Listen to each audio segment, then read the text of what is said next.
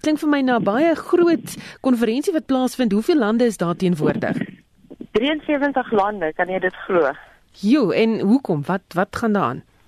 Weet jy, ons is op die oomblik actually, ons is in die veld op die oomblik besig om ehm um, uh invasive plante te versamel en dan het ons 'n ehm um, so 'n app waarmee ons dit goed dokumenteer en vanmiddag as ons nou terug is by die konferensie, gaan al hierdie samples nou gehardloop word op in die lab in 'n box en by vanaand se kant gaan ons weet wat het ons versamel. So dit gaan byvoorbeeld help om die beheer van invasive spesies in op die grensposte as iemand by iets illegal in die land inbring te beheer. Ons gaan nou praat oor daardie projek. Ehm um, wat se bydrae maak Suid-Afrika tot die Ebol projek? Weet jy ons het 'n baie groot bydrae wat ons maak. Ons seker al die laaste 10 jaar wat ons samples versamel reg oor die land om by te dra tot die ehm um, die sogenaamde reference databasis van Ebol.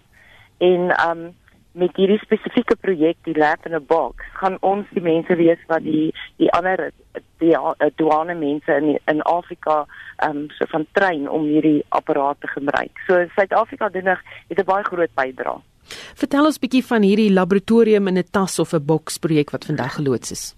Weet jy as jy nou weet hoe lyk 'n laboratorium 'n molekulêre laboratorium, dis 'n groot 'n groot laboratorium en verskeie apparate. Nou al daai apparate is gereduseer na 'n uh, miniatuurapparate. So so die die lab is nou gereduseer soos soos 'n boks in die douane beamptes of die ou wat gaan kyk of dit ehm um, uh rhino is wat gepouts is.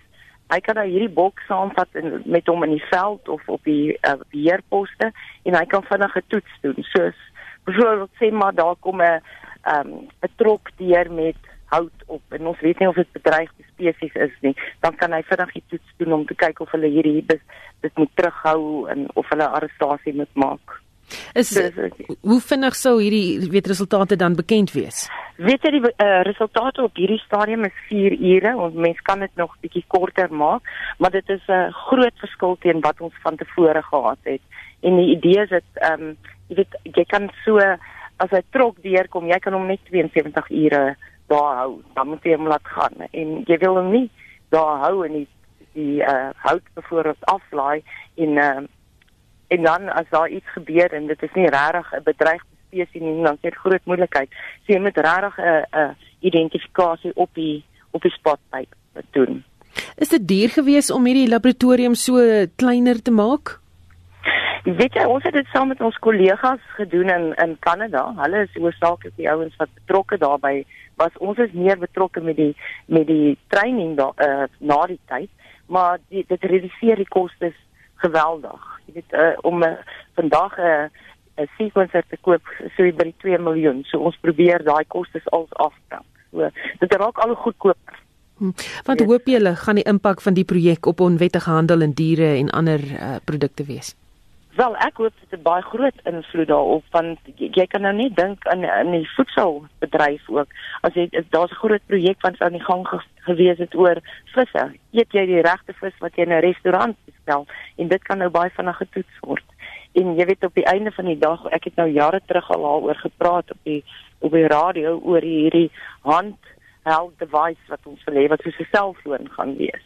En ons is op pad soontoe. So ek is baie opgewonde daaroor. En as ek nou so kyk na die mense hier by die kongres, is almal uh, vreeslik opgewonde daaroor. So en natuurlik vir die polisie, dit gaan baie hulle ook baie help met hulle sake. Baie dankie, dit klink baie opwindend. Dit was professor Michelle van der Bank van Universiteit van Johannesburg.